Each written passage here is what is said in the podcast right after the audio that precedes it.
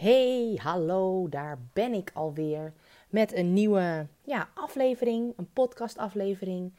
En vandaag ga ik het met jullie hebben over iets wat eigenlijk al heel lang op mijn eh, to-do-list staat om te vertellen tijdens een podcast.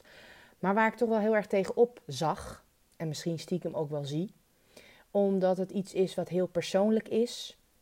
En wat mij de laatste jaren, eigenlijk de helft van mijn leven Ehm, heel veel verdriet en pijn heeft gedaan. Maar tegelijkertijd ook heeft gevormd tot de persoon die ik vandaag de dag ben.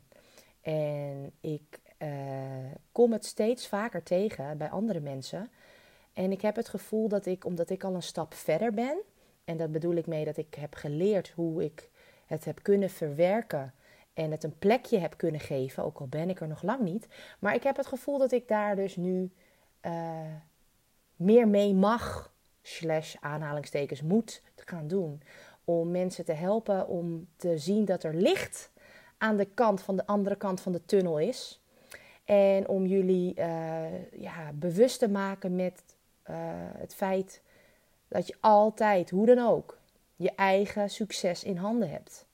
Ook al lijkt het nog zo ja, moeilijk en grote bergen op de weg beren, toch ben jij de enige die, wat hieraan, die iets hieraan kan veranderen.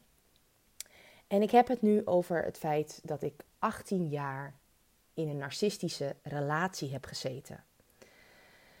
Narcisme is een uh, persoonlijkheidsstoornis. Um, je hoort er tegenwoordig steeds meer over, ik, ik, ik, tenminste. En dat kan bij mij te maken hebben omdat ik het uiteindelijk na 17,5 jaar ben gaan inzien. Dat ik een relatie had met een narcist. En daardoor als je je openstelt, um, je focus dus eigenlijk daarop hebt, zul je veel meer op je pad daarvan zien. En ik, maar toch merk ik ook dat ik uh, veel mensen nog leer kennen die vergelijkbare uh, relaties hebben gehad. Of uh, ja, daar in ieder geval wel iets mee te maken hebben gehad. Dus um, vandaar. Dus het gaat dit keer niet over voeding, over afvallen, over lifestyle, over, nou ja, noem het maar op. Wat ik altijd met heel veel passie uh, vertel. Maar het gaat vandaag dus echt over iets persoonlijks. En mocht je dat niet willen horen, dan uh, raad ik je aan om deze podcast nu te beëindigen. En lekker op de volgende aflevering te gaan wachten. Maar misschien vind je het wel heel erg interessant. En ook juist als je zelf nog nooit met een narcistische, uh, narcistisch persoon in aanraking bent geweest, dan kan het je natuurlijk wel gaan helpen om in de toekomst daar misschien, als je mocht je wel in aanraking komen, ermee leren omgaan. Dus dat, uh, ja, het is gewoon uh, best wel heftig. Um, ik vind het wel fijn om even te beginnen bij het begin. Ik leerde mijn ex kennen toen ik zelf 18 was. Nou, ik ben nu 38. Maar toen ik 36 was, zijn we echt gaan scheiden. Of tenminste heb ik de knoop doorgehakt. En gezegd van, ik kan het niet meer. Ik doe het niet meer. Ik, ja, het gaat niet meer. Ik leerde mijn ex kennen toen ik dus net 18 was uh, via rijles. Hij had ook rijles bij dezelfde instructeur. Uh, dus we hadden allebei lessen. En um, normaal gesproken was het totaal niet de type waar ik op viel. Ik viel een beetje op de bad guys. Ja, heel erg standaard, ik weet het. Maar van die foute types die net even wat grotere mond hadden. En uh, een beetje, ja, gewoon over macho types niet echt het ideale boyfriend material, maar wel iemand, eh, eh, gewoon waar mijn hartje sneller van ging kloppen. En die relaties die ik voor zeg maar de relatie die ik met mijn, ik noem het nex, narcistische ex, die ik met mijn nex heb gehad, was het gewoon uh, heel anders. Uh, dat ging ook heel snel stuk, omdat ik toch wel wist van ja, je bent niet te vertrouwen en ja, het is, hè? gaat niet zo goed. Maar met mijn next, um, ja, hij was zo charmant. Hij was zo um, een ander type. Iemand waar ik tegenop keek. Hij, had op zijn, hij was toen 22. Had hij al heel wat bereikt waar ik nog ja, mee bezig was. Hij had, uh, in eerste instantie zei hij tegen mij dat hij ja, afgestudeerd was. En dat hij, hij had een baan bij de, hoe heet dat nou ook alweer? Bij, op het Mediapark, waar ik heel erg uh, bij het NOB. En daar deed hij dan ook de administratie. En hij wist alles over de televisiewereld. En ik was op dat moment heel erg bezig met mijn zangcarrière. Ik wilde heel graag uh, doorbreken als zangeres. Uh, maar ja, dus het was voor mij heel interessant. En hij wist daar dingen over te vertellen. Tijdens die uh, rijlessen leerden we elkaar kennen. En op een gegeven moment heeft hij dus ook aan mijn instructeur gevraagd van... Kun jij niet zorgen dat zij elke keer voor of na mij in de rijles komt, zodat ik haar nog beter kan leren kennen? Nou, uiteindelijk hebben we, heeft hij mijn nummer gekregen van mijn instructeur. Moet je nagaan, dat zou nu toch echt strafbaar zijn. Hè? Als je als iemand waarbij jij les hebt, of het nou rijles is of uh, weet ik veel, uh, sporttraining, en diegene vraagt van hey, kan je het nummer voor haar, van haar regelen? En jij geeft dat als instructeur gewoon. Dat is toch echt, als ik daar nu over nadenk, denk ik best wel fout. Maar goed, het, het was wel een feit. Dus ik werd ineens ge-sms'd, want in die tijd had je alleen nog maar sms en bellen. En uh, nou, ik wist natuurlijk al vrij snel al wie het was. En toen gingen we, begonnen we te, te sms'en met elkaar. En eigenlijk, als ik heel eerlijk ben, heb ik vanaf begin af aan, en ik schreef toen ook al altijd in een dagboek, en ik heb die dagboeken ook echt, schreef ik altijd, en ik schreef daarin dat het een beetje too good to be true was. Want hij was zo aardig. Hij was zo charmant, zo romantisch, zo echt een gentleman. En het gaf mij een heel apart gevoel van waarom val je dan op mij? Weet je wel? Waarom vind je me dan leuk? Want hij liet het heel erg snel doorschemeren dat ik toch wel echt het meisje van zijn dromen was. En ik was in die tijd best wel onzeker. Terwijl ik heel goed ehm, bezig was hoor. Met, uh, ik, ik, deed toen nog mijn studie uh, uh, MBO, SPW. Ik was continu bezig met, met zingen om, om zeg maar, die, met die meidengroep bij het platenlabel. Om daar een groot succes van te maken. Daarnaast ging ik in het weekend stappen. En ja, dat was een beetje mijn leven, weet je wel. En nou, ik had het eigenlijk voor, voor, voor die tijd heel erg goed op de rit. Ik kon eigenlijk altijd wel doen wat ik wilde. Ik werkte ook. Maar hij had het nog beter voor elkaar. Hij werkte fulltime had een goed salaris. Hij woonde ook nog thuis, maar hij was wel de enige die nog thuis woonde. En hij kon daarom, zijn ouders die waren eigenlijk niet zo betrokken bij hem. Later werd het ook een probleem. Maar um, hij kon doen en laten wat hij wilde. En dat deed hij dus ook. En uh, ja, ik was daar helemaal door ge, ja, hoe zeg je dat, geïntrigeerd. Ik, ik had zoiets van, wat een, wat een fijne man. En uh, ja, was natuurlijk toen nog een jongetje. Maar goed, je begrijpt, in die, als je 18 bent en iemand van 22 dan ben je, wat ben je nog eigenlijk nog op die 18-jarige leeftijd? Maar al heel snel, nadat we gedate hadden en dat we eigenlijk uitgesproken hadden van... hey, wat gaan we doen? Gaan we daten, op datingtour blijven of gaan we echt voor een relatie? Ik wilde eigenlijk wel heel graag een relatie. Ik was daaraan toe. Ik merkte dat ik toe was aan de volgende stap. En hij in eerste instantie ja en nee. Ik kon niet echt hoogte van hem krijgen. En dat las ik ook laatst weer terug in mijn dagboeken, waarin hij het dus gewoon presteerde om de ene dag met me weg te gaan, me mee te nemen uit eten naar de bioscoop. Hij betaalde alles, naar de duurste restaurantjes. Hij gaf me een luchtje wat echt gewoon niet goedkoop is en helemaal vertellen hoe geweldig hij me vond. En dan was die date afgelopen. Dan had, bracht hij me naar huis. Of ik ging zelf naar huis met de bus. Maakt niet uit. Maar dan liet hij vervolgens dagen niks van zich horen. Dat ik hem appte. Of nee, oh nee, sms'te. En daar werd gewoon een dag niet op gereageerd. En dat ik hem dan s'avonds wel eens belde. En dan ging hij wel over. Maar geen antwoord. Dat maakte mij zo onzeker. Achteraf nu weet ik dat dit dus al het spel was waar hij mee bezig was. En dat heeft hij waarschijnlijk niet bewust gedaan. Want een narcist, weet je, het is een persoonlijkheidsstoornis, uh, gedrag. Dat ontwikkel je. En ja, narcisten die kikken er heel erg op om de macht te hebben over iemand. De controle. En je moet het zo zien, eigenlijk wat hij deed, was mij continu in zijn web trekken. Hij had zeg maar een soort spinnenweb en daar zat ik dan in gevangen. En dat deed hij op het moment dus dat ik ehm, ging twijfelen aan onze relatie. Omdat hij dan geen aandacht voor me had. Omdat hij me kleineerde door te zeggen van, wat had je toch kunnen weten. En, uh, oh jij wil juf worden? Nou, als je dit niet weet, ja, nou, dan wordt het lastig. Hij gaf mij op hele, zeg maar op momenten dat ik eigenlijk wel weer met hem zelfverzekerd was over, wauw, wat zijn wij leuk samen ging hij dat soort gedrag vertonen. En ehm, dat maakte mij dus heel erg onzeker, waardoor hij me weer terug in dat web trok van jeetje. Ik trok dus, uh, ik betrapte mezelf erop dat ik heel vaak de schuld bij mezelf lag. Wat heb ik gedaan waardoor hij zo tegen mij doet? En als hij dan zeg maar de ene keer heel erg liefdevol en vol Ehm, met complimenten en, en gewoon echt mij in de watten legde, dat hij dan daarna weer dat gedrag ging vertonen van dat ik eigenlijk het gevoel kreeg dat ik niet goed genoeg was of dat ik ja, er niet toe doe. Want hè, als je niet iemand gewoon uh, dagenlang negeert met sms'en en zo en bellen, ja sorry, maar dan krijg ik het gevoel dat ik geen prioriteit voor je ben. En we hebben toch een relatie. Nou, dat waren eigenlijk natuurlijk allemaal al signalen dat je nu denkt: Lot, waarom ben je in hemelsnaam met die man verder gegaan?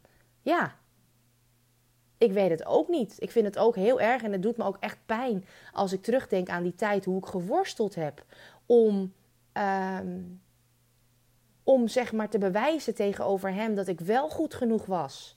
En dat ik wel hem gelukkig kon maken. Want ik kreeg het gevoel dat hij dat dan zeg maar daaraan twijfelde. En op een gegeven moment werd hij er door zijn ouders uitgezet. Hij had een stiefvader, een best wel een aparte vent. En een moeder met borderline, dat wist ik wel, dat had ze me ook zelf verteld. Heel erg extreem. En zij had een idee om van zijn kamer een of andere poppenkamer te maken. Met allemaal, zij spaarde Diana-poppen van die prinses Diana, die, is, die ook is overleden. De moeder van Harry en, uh, hoe heet die andere ook weer? Nou ja, uit Engeland. En ze had zulke dure poppen daarvan dat ze wilde graag een soort van museumkamer maken. Ja, en dat was toevallig de kamer van mijn ex. Dat wilde ze daar, want daar was het beste licht. En toen vertelde hij me eigenlijk dat hij eh, binnen een paar weken op straat zou staan.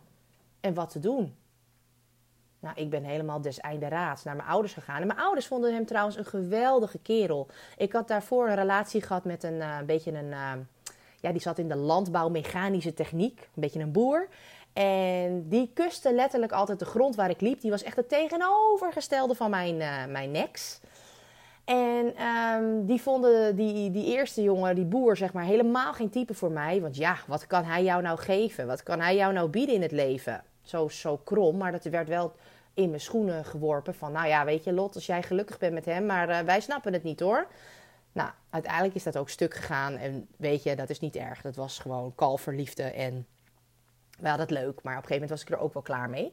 Maar met mijn next, daar waren mijn ouders helemaal van gecharmeerd. Want meneer had een opleiding, die had een goede baan. Die, uh, ja, die, die, die zag er goed uit. Altijd netjes in kleding helemaal. Hij zag er echt altijd gelikt uit. Hij had echt bepaalde merken, zoals Ralph Lauren, Tommy Hilfiger, uh, hoe heet het, Paul Mall. Waar hij echt alleen maar in liep. En toen hij nog thuis woonde, toen had hij natuurlijk best wel veel geld om, om als je fulltime werkte op, op die leeftijd, uh, en dan best wel, hè, kun je dat makkelijk betalen. Dus hij had veel, veel kleding daarvan. En nou ja, mijn ouders waren daar blijkbaar ook van onder de indruk dat hij op zo'n jonge leeftijd al zo goed uh, dat voor elkaar had. Nou, hij haalde ook zijn rijbewijs toen en uh, kocht meteen een autootje. Allemaal dat soort dingen, weet je wel. Dat, of tenminste, dat had zijn moeder dan wel met hem geregeld, maar dat maakt niet uit. In ieder geval, hij had het wel goed voor elkaar. En toen ehm, ja, toen was eigenlijk het punt, jeetje, je staat op straat, wat gaan we doen? Nou, toen dacht ik meteen, jeetje, dit zou wel eens het punt kunnen zijn, dat heb ik ook in mijn dagboek nog teruggevonden, waarin ik hem echt gelukkig kan maken. Want als we samen gaan wonen, dan kan ik er elke dag voor hem zijn. En uh, nu moest ik ook wel eens met muziek en zo, was ik een paar avonden weg en uh, zag ik hem eigenlijk twee keer in de week of zo, in, in het weekend dan. En ik dacht, ja, dit wordt het, hè. Hierdoor gaan wij beter groeien samen, gelukkig worden. En nou ja, zijn stiefvader heeft ons toen wel geholpen aan het krijgen van een huisje in Baren. En het was een bovenwoning en de benedenverdieping deelden we de keuken, zeg maar, en met een kantoor. Dus daar had ik eigenlijk niet zoveel last van. Het was echt wel een heel leuk huisje. Daar heb ik het ook, uh, zeg maar, uh, warme herinneringen aan, omdat het denk ik ook allemaal nieuw voor me was. Maar tegelijkertijd kwam daar ook wel na een half jaar zijn echte ware aard naar boven.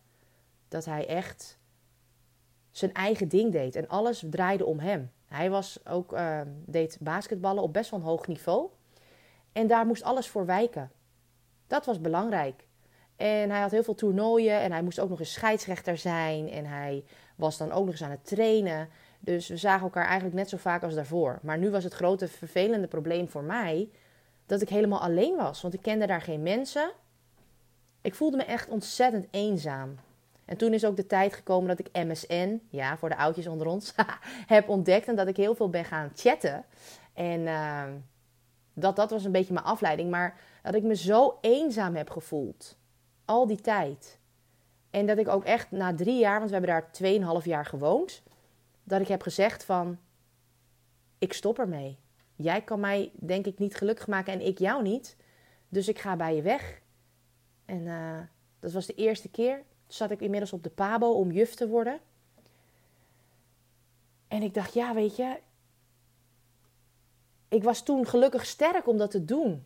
Dus ik ben een week bij uh, mijn oom. Ik heb twee ooms. Nou, ik heb wel meerdere, maar twee waar ik dan toen zeg maar wel goed contact mee had. En die waren toevallig allebei uh, gescheiden. Maar ik ging bij de ene oom in Muidenberg, was ik een beetje dicht bij mijn ouders. Ging ik, uh, mocht ik de logeerkamer hebben. En nou ja, toen heeft hij me echt wel een beetje opgevangen. Maar na twee weken werd mijn nex natuurlijk, die, die, die begon te beseffen van jeetje, wat, dat, dat, was natuurlijk ook weer niet de bedoeling. Dat hij ineens alleen daar zat en dat ik weg was gegaan. En ja, dat moest hij alles alleen betalen en zo. Ik had toen een dikke vette studiefinanciering met lening. Zou ik niemand aanraden, maar ja, dat was toen voor mij de mogelijkheid. Want ik wilde het allemaal zelf doen. Ik ben iemand die niet snel hulp wil van, van mijn ouders of van mensen, weet je. Ik, ik doe het zelf wel. En als dat ik er zelf voor in de schulden kom, ja, jammer dan, weet je. Maar uh, ja, toen moest hij natuurlijk alles zelf doen. Dus uh, nou, toen heeft hij me ook wel echt gestalkt als in van laten zien van wat ik allemaal voor, me beteken, voor hem betekende. Brieven schrijven, eh, de hele dag sms'en, hoe geweldig hij me vond. En uiteindelijk stond hij zelfs met een bos rozen en een bos dure bonbons voor de deur van mijn werk. Want ik werkte toen zaterdag in Bussum bij de stomerij. Stond hij ineens bij de, na zeg maar rond sluitingstijd voor de deur. Of hij alsjeblieft, of ik weer terug wilde. En ik weet nog dat ik eigenlijk echt had besloten van nee, ik ga niet meer terug. Want ja, Weet je, uh, het was wel eerder dat ik aangaf dat het niet werkte. En dan twee weken later gebeurde het weer. Maar toen was ook uh, zeg maar de baas van de stomerij erbij. En die zei: Kijk nou wat hij allemaal voor je over heeft. Zo'n gozer laat je toch niet schieten. Ja, en daar ging ik weer. Terug. Terwijl mijn oom ook zei: Lot, wat ben je nou aan het doen? Ik snap jou echt niet. Het is toch gedoemd om te mislukken? Kwam er in die tijd ook heel erg achter dat hij een behoorlijke wiet- en, en hashverslaving heeft. Nog steeds. En dat vond ik heel erg, want ik was toe aan de volgende stap, zoals ik jullie vertelde. En in mijn ogen, ja, misschien ben je het helemaal met, niet met me eens. Maar ik vind als jij huisje, boompje, beestje wil gaan doen, dan uh, vind ik daar een elke dag blowen en een kansloos stoned zitten zijn achter je computer. Omdat je game uh, van die, van die ja, computerspelletjes, uh, games speelt vind ik daar niet tussen passen. En hij veranderde ook vaak, als hij dat deed, echt in een zombie. Dat ik dan bijvoorbeeld vroeg, wil je wat drinken? Nou, geen antwoord. Lieverd, wil je wat drinken? Geen antwoord. En dat ik dan voor hem ging staan en dat ik zei, ik vraag je al twee keer of je wat drinken wil. Ja, als ik dat wil, dan zeg ik dat wel. Weet je, zo'n antwoord ook. Dus ik, ik was helemaal niet happy als hij dat deed. Maar hij had het wel, hij deed het steeds meer. En... Uh, ja, dat schijnt ook bij zijn uh, persoonlijkheidsstoornis te horen. Omdat hij dan even kan ontsnappen aan het gevoel wat hij heeft. En nou goed, maakt niet uit. In ieder geval, nou, het maakt wel uit. Het is een heel groot onderdeel geweest waarom we heel vaak ruzie hadden. En ook geldproblemen en alles. Maar goed, ik ging weer terug en... Uh, nou ja, het is echt weer zo'n. Ik heb echt wel een stoplichtrelatie toen gehad. Toen was ik inmiddels zelf ook 22.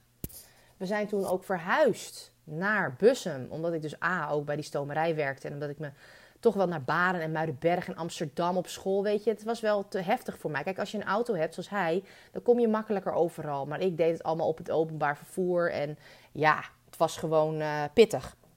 En uiteindelijk toen uh, besloot ik om, toen ik zelf 22 was, om zes weken naar Kenia te gaan met school. Drie nee, twee andere meiden die ook uh, de PABO deden. En ik dacht, weet je, als ik zes weken nou helemaal weg ben uit deze situatie, ik ga alles op een rij zetten. Wat wil ik dan echt? En wat. Um, ik, ik, wist gewoon dat had ik nodig op dat moment. Om weer mezelf te worden. Om echt goed na te denken en de keuze te kunnen maken die ik echt wil. In plaats van je door je omgeving laten meeslepen. En ik ben die zes weken dus uh, naar Kenia gegaan. Het was echt de reis van mijn dromen. Ik heb daar drie weken lang les mogen geven op een basisschool. Geweldig. Tussen de echte mensen daar. we zaten dan in Mombasa.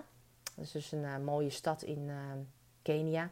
En uh, waar het echt nog heel erg, ja, misschien nu niet meer hoor, maar toen, ja, ik denk het eigenlijk wel, want we praten nu, dat was dus in 2006, moet je nagaan. Nou, we zitten nu alweer in 2022, dat is heel lang geleden. Maar het was geweldig, weet je. Ik, ik woonde bij een lokale vrouw of we mochten daar verblijven. En we hebben echt uh, de tijd van ons leven gehad. En uh, het was zo dankbaar. En ik kwam er eigenlijk wel echt achter dat ik echt wel van hem hield. Maar dat er wel heel veel moest veranderen. En dat heb ik hem ook heel vaak geschreven. Want ik ben elke avond ben ik bezig geweest met brieven. Die heeft hij ook allemaal gewoon ontvangen. En uh, ja, gewoon gezegd van nou luister, kijk, um, ik wil best met jou oud worden, maar dit zijn wel mijn voorwaarden. En uh, nou ja, hij kreeg ook wel door van hé, hey, ja, ik zal toch wel dingen anders moeten doen. Uiteindelijk uh, koos ik dus toch weer om wel weer terug, of tenminste om verder te gaan. En eh, had ik zoiets van, nou weet je, dit is gewoon goed zo. Maar helaas, in 2008 ging het echt helemaal mis. En toen zijn we ook echt uit elkaar gegaan. Maar we hadden inmiddels ook een kat en die moest af en toe ook verzorgd worden. En uh, hij had natuurlijk reisjes die hij ging maken met zijn werk. Of natuurlijk, dat deed hij wel eens van die weekenden weg om zogenaamd teambuilding te doen. En uh, nou ja, dan moest er natuurlijk op de kat gepast worden. En zo ben ik wel eens teruggegaan en hebben we wel eens een hele leuke nacht gehad. Ja, en zo ben ik toen plotseling in verwachting geraakt van mijn eerste.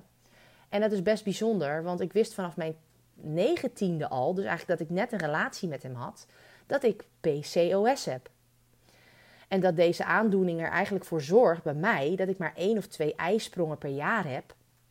En dat ik dus via de natuurlijke manier zwanger raken, dat zou heel moeilijk zijn. Dat werd me toen ook al verteld. Nou, dat heb ik natuurlijk al aan mijn nex ook verteld. En die was eigenlijk een beetje opgelucht, want die zei: luister, ik wil eigenlijk helemaal geen, ik heb geen kinderwens. Ik wil mijn leven gewoon kunnen doen wat ik wil en niet afhankelijk zijn van wat een kind uh, van me nodig heeft. En uh, hij had zelf ook niet echt het goede voorbeeld van zijn ouders gehad.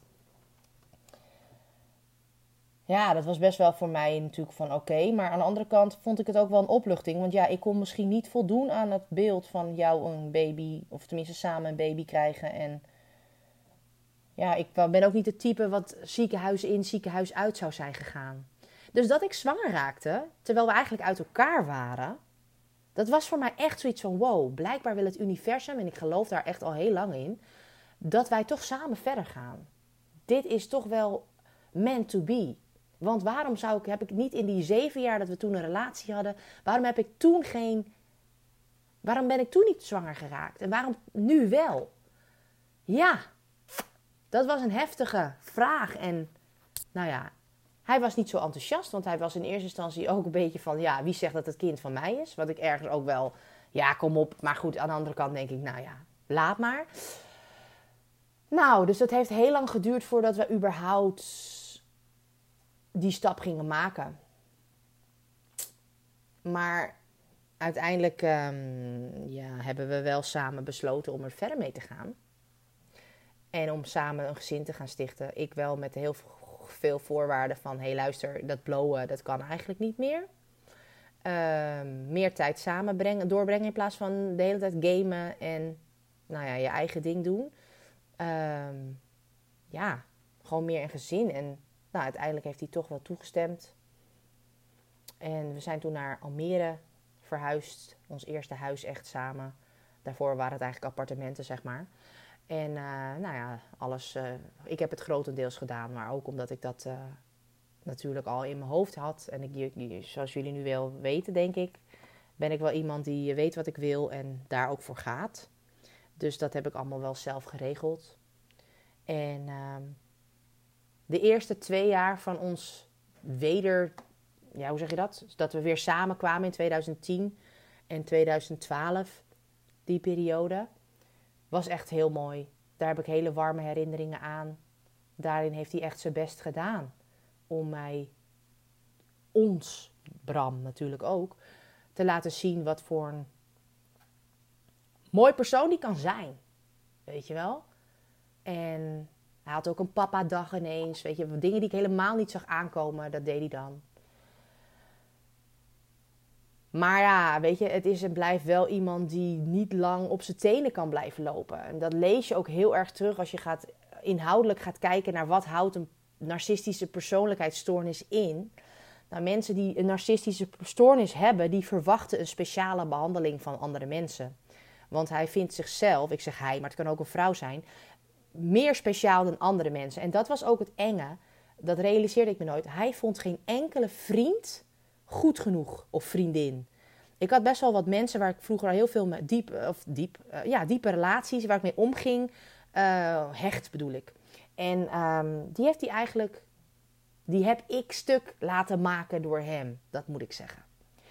Hij vond altijd mensen niet goed genoeg. Sommigen waren te simpel. Sommigen waren alleen maar uit op dat wij geld hadden. Anderen die kwamen alleen maar meevreten. Hij was altijd negatief over de mensen met wie ik omging. En als ik dan iemand uitnodigde, dan vluchtte hij ook naar boven of ergens anders naartoe. In ieder geval, hij was niet betrokken. En dan ging ik per, nou, per ongeluk niet, maar onbewust ben ik daar ook zeg maar mee bezig gegaan. Dat ik dus ook begon de negatieve dingen van mensen begon te zien. Waar je mee omgaat, word je mee besmet, zeggen ze altijd, toch? Dus hij wist het eigenlijk zo te creëren dat de beste vriendinnen die ik toen had, dat waren ineens, die vond ik niet meer interessant. Die, die waren een soort van zere plek in mijn relatie. Dus ik ging minder afspreken met ze. Ik, ik liet het expres verwateren. En uh, als, wat het enge vond ik altijd, als we bijvoorbeeld een verjaardag hadden bij ons, voor de kinderen, want ik vierde zelf niet echt mijn verjaardag. Ik vier het één keer in de vijf jaar. Dan doe ik een groot feest geven. Dat vind ik leuk, een themafeest. Dat heb ik ook echt heel vaak gedaan, vooral in Bussen, want daar, dat appartement, dat leende zich daar ook echt voor. En dan uh, deed hij echt alsof hij de geweldigste, leukste vent was. Mensen in mijn omgeving die zeiden ook echt tegen mij: Wat heb jij het met hem getroffen? Wauw, wat een topgozer. Wat, wat, doet, wat, wat is hij leuk? En als ik dan een keer ging klagen, omdat hij dus weer, dus weer zijn gedrag uh, mij kleineerde of uh, gewoon had gelogen over dingen, dat ik dat een beetje erachter kwam, bijvoorbeeld over dat blowen, wat hij dan weer had gedaan. En, um, en ik ging dat vertellen bij mensen dan werd ik eigenlijk een soort van afgecoverd van ja, hallo, je hebt zo'n leuke vent. Zie je dat zelf niet? En dan loop jij te zeuren over dit. En zo wist hij zich te profileren dat mensen echt een heel ander beeld van hem kregen dan dat hij daadwerkelijk was. En ik zie dat ook in, in zijn uh, werkgeschiedenis, overal waar hij gewerkt heeft. In de eerste twee jaar kreeg hij altijd promotie. Was hij helemaal geweldig. Yes, yes, yes. Maar hij hield dat niet vol. Met andere woorden, de ware aard kwam na een tijdje boven. En dan maakte hij er gewoon een potje van. En dan werd hij weer ontslagen. En dat heb ik echt serieus zes, zeven keer met hem meegemaakt in die 18 jaar dat ik met hem samen woonde, weet je. Dus die man, die kan zichzelf niet. Uh, hij is niet de persoon die, die, zich voordoet. En dat komt door die persoonlijkheidsstoornis. En elke keer dat ik weer de, de behoefte had van, nou, nu, ik trek dit niet meer. Ik kan dit niet meer dan wist hij mij weer te overladen met allemaal dingen die ik echt wilde. Met, met romantische dingen, um, lieve woorden, mooie brieven aan me schrijven. Oh, hij kon zo goed schrijven. Dat was echt fijn. Maar waar was het allemaal op gebaseerd? Op lucht? ja, ik weet het niet. Ik denk dat hij gewoon zo ziek in zijn hoofd is dat hij zelf niet eens doorheeft hoe hij is. En natuurlijk heb ik het hem vaak, toen ik eenmaal wist dat hij narcistisch is, ermee geconfronteerd. Maar zoals een echte narcist, het ligt altijd aan een ander. Het ligt nooit aan jezelf. Hij had ook weinig oog voor anderen. Hij was altijd met zijn eigen dingen bezig. Dus ik mocht niet zingen, want dat was vervelend. En oh nee, dan moest hij dus, als ik een optreden had, moest hij dan voor de kinderen. Of voor, voor weet je, dan moest hij dat doen. Nou, dat, dat, dat was voor heel vervelend. En dat liet hij me ook heel vaak merken van, dat ik degene was die egoïstisch was. Jij doet altijd maar wat jij wil. En elke keer begon ik dat wel weer te geloven. Dat is het enge eraan. Dat, dat, dat, dat, besef je niet. Dat gebeurt. En hij deed ook heel erg aan gaslighting. Gaslighting, dat is uh, wat ik in ieder geval heb uh, begrepen, is een theorie gebaseerd op een film waarin een, man uh, in, in, een relatie met een vrouw, kan ook een vrouw met een man zijn, maar in dit geval gaat het over een film die heet ook Gaslighting, vandaar die term. En die man die is er dus de hele tijd, die zegt dingen tegen zijn vrouw. Bijvoorbeeld van, ja, morgen gaan we in een groene auto rijden. En de volgende dag komt hij met een rode auto aan. Dit is even een heel kinderachtig voorbeeld, hè, maar dan snap je waar het naartoe gaat. En die rode auto, jij denkt, he, je zei dat we in een groene auto gingen. Dus je gaat dat zeggen. Je zegt, hé hey, luister, we gingen toch met een groene, dat heb je gisteren gezegd. Nee, dat heb ik helemaal niet gezegd. Hoe kom je daar nou weer bij? Jij haalt weer iets in je hoofd hoor. Ik heb gezegd dat we met een rode auto gingen. Nou hou je erover op. Weet je wel? Dus ze doen iets zeggen en de volgende, het volgende moment verdraaien ze het helemaal. Of dan gebeurt er iets heel anders. En ze geven jou het gevoel dat jij het fout had. Dat jij dom bent. Dat jij dat überhaupt denkt dat hij dat heeft gezegd. En dat doen ze zo vaak dat je elke keer weer denkt: ja, ben ik nou gek? Heb ik dit nou echt gehoord dat je dit hebt gezegd? Ik begon echt zo aan mezelf te twijfelen. En als er iets is waar een narcist niet tegen kan, is het bijvoorbeeld kritiek. Dus op het moment dat ik hem kon aanspreken op iets wat hij dus in mijn ogen gezegd had, of niet gezegd had, of weet ik het wat. Nou, dan was het huis te klein. Ehm, boos, agressief. Heel erg boos. Het is bizar dat iemand zo kan veranderen in een snap, in een minute, weet je.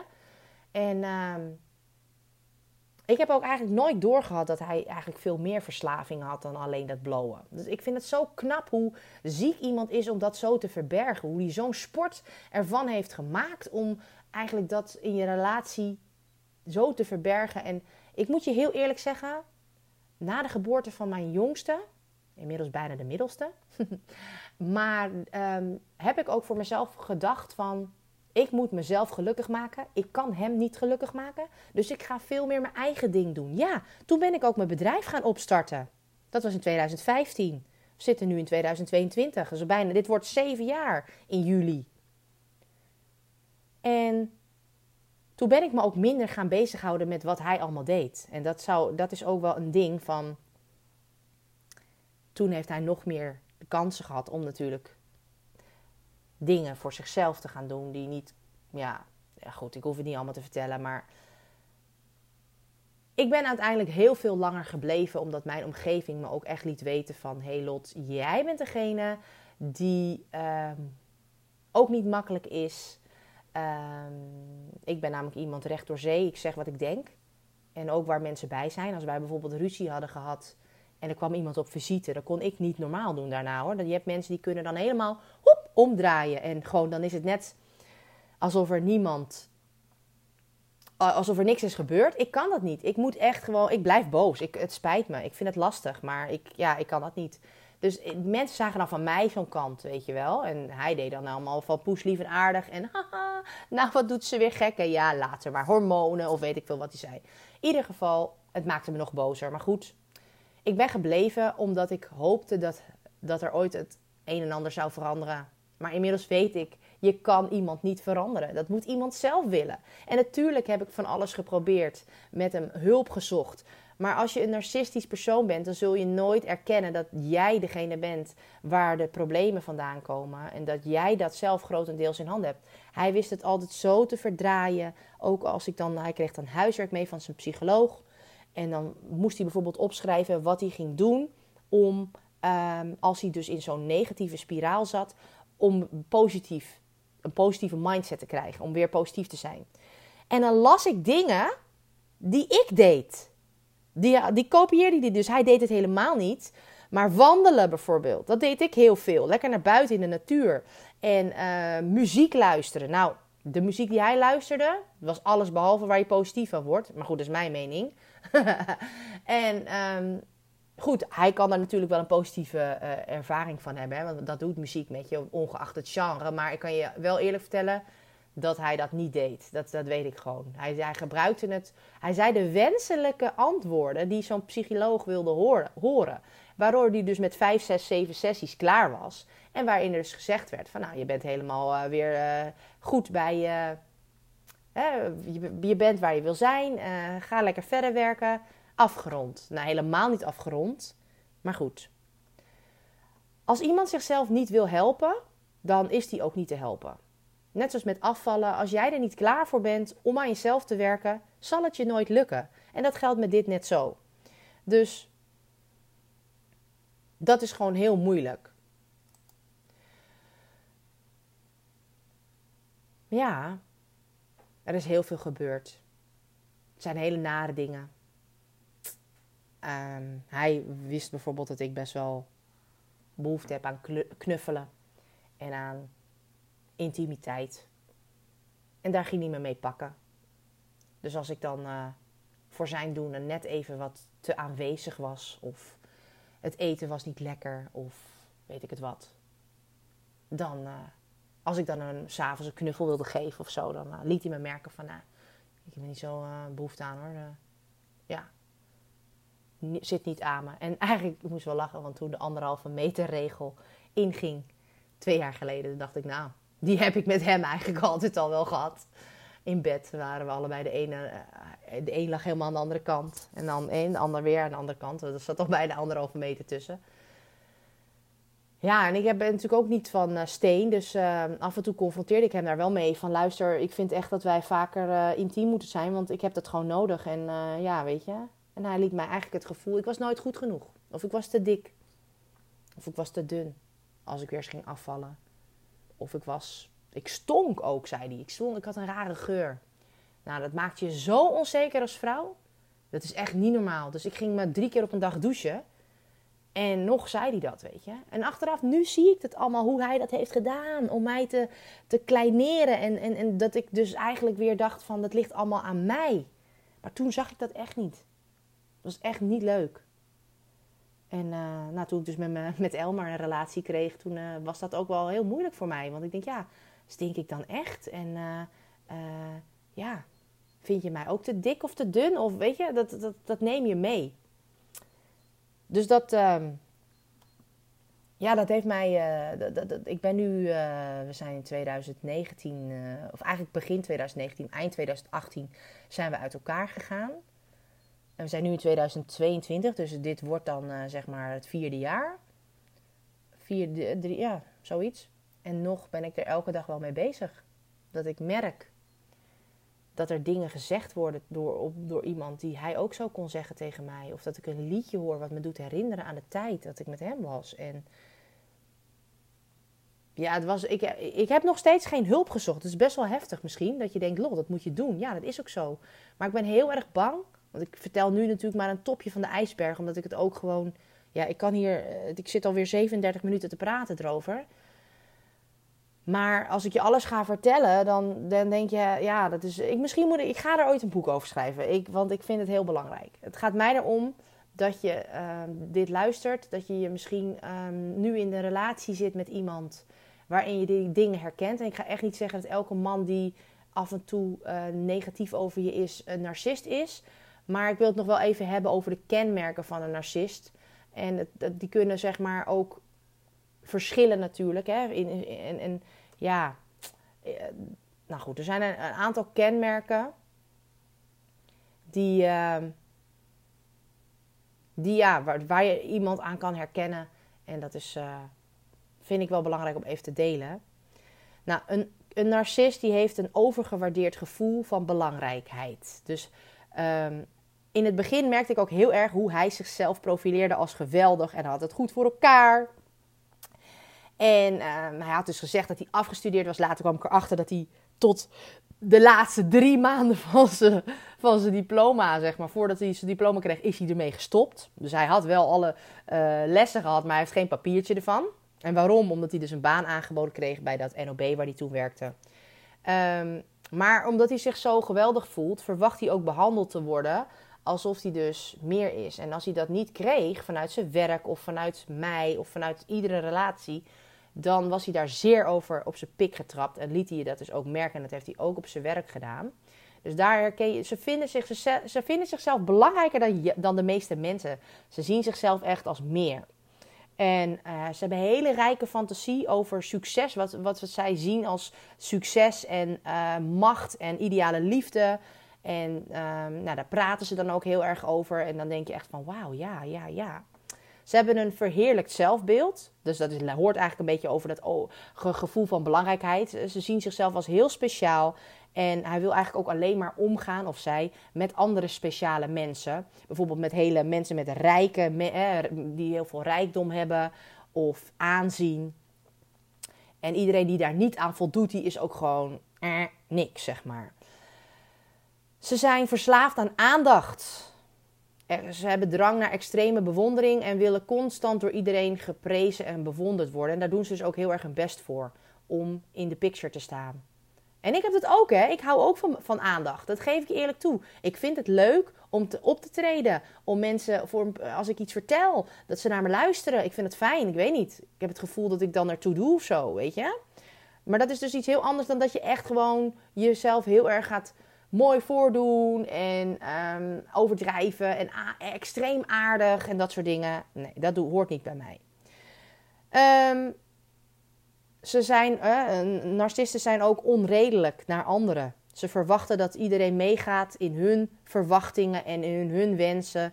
En nou, iedereen die dat niet doet, die is afgeschreven. Ze hebben een groot gebrek aan empathie. Ze kunnen zich dus niet verplaatsen in hoe jij je voelt of iemand anders. Ze zijn alleen maar bezig met hun eigen gevoel. Dat herken ik ook heel erg bij mijn ex. Altijd maar. Het ging altijd over hem, weet je. Um, hij maakt misbruik van anderen om zelf doelen te bereiken. Ja, dus dat gedrag bij mensen die dus in zijn ogen iets hadden uh, wat hij niet had. En dat dan helemaal uh, ja, ermee omgaan totdat je dat ook krijgt. En dan hup, laten vallen als een baksteen. En hij was zo jaloers op iedereen. Oh, iedereen die bij mij in mijn buurt kwam, jongen. Oh, zelfs mijn eigen neef, waar ik een hele goede vriendschap mee had. Nu ook niet meer, maar goed, maakt niet uit. Um, die, daarvoor, wacht, daarvoor had hij jaloerse uh, gedachten over dat hij misschien wel op meer van mij moest. En iedereen was een gevaar die in mijn buurt kwam en alle mannen. Bleh. En dan was hij ook zo kinderachtig altijd aan doen. Dus jaloers zijn en mensen dat. En denken dat mensen jaloers zijn op hem. Dat was ook altijd zo. Um, Ja, en er zijn er nog meer. Kijk, weet je, dat gespeelde charme bijvoorbeeld. Altijd uh, bij nieuwe mensen helemaal te gek je willen voordoen. En ah, Het, eh, ja. Wat erg ook vond ik dat hij nooit, ook nooit schuld heeft bekend. Dat hij altijd heeft gezegd: Dit is niet mijn fout, dit ligt bij jou. Ontbreken van schuldgevoel of berouw. Zelfs toen het echt op het einde gewoon helemaal kapot was. Niks, geen berouw. Gebrek aan emoties, behalve toen het echt, zeg maar, als het hem dan te veel werd, dan bleef hij dagen huilen. En dan kreeg ik het niet voor elkaar om hem te laten stoppen. En dat vond ik heel zielig, weet je. Dan krijg je weer zo'n schuldgevoel van jeetje. Maar uiteindelijk, ja, verder niet echt emoties hebben als het over mij ging of over iemand anders die iets ergs was meegemaakt, had meegemaakt. En um, nou, ik zou nog uren kunnen vertellen over dingen. De heftigste dingen die hij heeft gedaan bij mij. Het laatste jaar was het het heftigste. Toen gingen we ook naar de trouwerij van mijn zusje. Die trouwde in, uh, op Kos. En ik had die dag nog een heel belangrijk event. Ja, natuurlijk moet je dat niet plannen als je dezelfde avond nog vertrekt met je vliegtuig. Maar ik had zoiets van, ik ga dat doen. En ik had alle koffers klaar. Ik had de, de, de trouwpakjes die de jongens aan zouden hebben, had ik keurig bovenop gelegd. En toen eenmaal aangekomen op kost waren die pakjes dus weg. En ik weet heel zeker dat hij het eruit heeft gehaald. Ik heb ze trouwens gevonden toen ik ging verhuizen naar, uh, naar de nu waar ik nu woon. Ze lagen achter de kledingkast. We hadden een hele hoge kledingkast. Daar waren ze achter gegooid. Toen we die kast gingen verplaatsen, zag ik ze weer. Nou, driemaal raden wie dat gedaan heeft. En puur om mij te sarren, zodat ik daar weer als een klunt zou overkomen van wie vergeet nou de kleding van zijn kinderen. Wie doet dat nou? Ik moest helemaal met mijn broertje, die had een auto gehuurd daar, moesten we helemaal stad en land af voor nog een paar leuke pakjes te scoren voor de jongens. Nou, weet je hoe ik me gevoeld heb? En op het allerlaatste ook nog, omdat hij wist dat we aan de grond zaten, omdat ik gewoon niets meer betaalde om hij wilde het huis niet verkopen. En dan naar mijn ouders toe gaan en zeggen: Lot heeft een hele grote belastingsschuld. Ik zou het heel fijn vinden als jullie ons helpen, want anders wordt, uh, wordt, wordt mijn auto afgenomen en uh, zouden jullie even 3000 euro over kunnen maken. Maar vertel alsjeblieft niet aan Lot dat ik dit doe, want je weet hoe ze is. Ze wil niet geen hulp van anderen. Ze wil het altijd zelf oplossen. Maar dit valt niet meer zelf op te lossen. Ze hebben het zo overgemaakt, zonder enig moment besef wat hij aan het doen was. Want dat deed hij, dat spel. En ik werd daar al die tijd voor op aangekeken. Uiteindelijk heb, heeft, heeft hij de helft terugbetaald, want hij zei: Ja, we zijn getrouwd in een gemeenschap van goederen. Dus jij betaalt de helft maar. En waar hij het aan uit heeft gegeven, dat wil ik niet eens in deze podcast benoemen. Maar het heeft met dingen te maken die, die niemand die je kent zou doen. En. Uh, dom van hem dat hij dat toch weer via de gezamenlijke rekening dingen heeft gedaan. Want daardoor kwam ik erachter. Maar ik denk dat hij dat expres heeft gedaan. Dat hij wilde dat ik erachter kwam. Om mij nog meer te kunnen raken. En om mij nog meer twijfel te kunnen geven van... Hé, hey, als je dit nu doet, wat heb je dan wel niet allemaal gedaan toen we nog wel bij elkaar waren? Weet je? Want zo zijn ze. Ze willen jou helemaal naar beneden halen. En jouw gevoel van eigenwaarde zo kapot maken. En de reden dat ik dus ben gebleven, is dus ook onder andere mijn jongens. Want ik dacht, jeetje, ik wil ze toch wel twee ouders geven in plaats van dat ik een mappa zou worden. Een moeder en vader in één. En nu ik dat zo zeg, besef ik me ook, ik ben altijd al een mappa geweest. Want ik was er voor ze. Ik deed het. En natuurlijk zijn er echt wel dingen die hij goed heeft gedaan. Laten we niet alles slecht. Maar het is wel een feit dat ik heel veel moeite heb gehad om hem te verlaten. En dat het spel wat hij speelde. Ja, dat is echt wel een heel destructief spel. Die, dat je stuk maakt. Dat, je, dat ervoor zorgt dat je gewoon alles wat je ooit hebt opgebouwd wordt afgebrokkeld in je lijf. En ik, uh, dat is waarom ik deze podcast heb opgenomen. Omdat ik mensen wil waarschuwen. Herken je dit soort signalen? Zoek hulp. Praat erover met hem of haar dat je dit ziet. En dat je ver, ja. Kijk, ze zullen het niet gauw herkennen, maar praat erover ook met anderen. Dat je dit herkent. Dat ben ik ook veel te laat gaan doen. En uh, ja, ik hoop dat je, dat je dingen anders gaat aanpakken dan ik. Dat je niet te lang wacht en niet denkt: ik doe dit nog, ik probeer dat nog. Het is jouw leven. Je hebt maar één leven. als je dan zulke mensen tegenkomt die je continu zwart maken, continu kapot maken,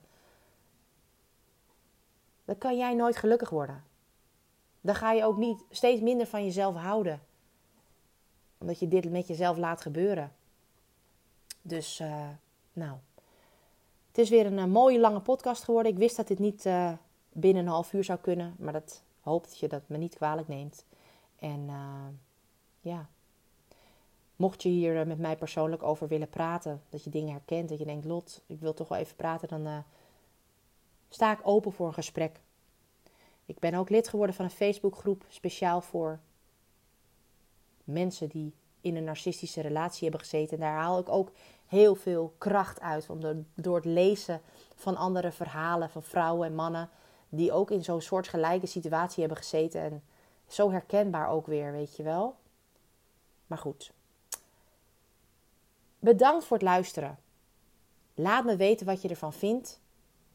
En als ik iets voor je kan doen, laat het me ook weten.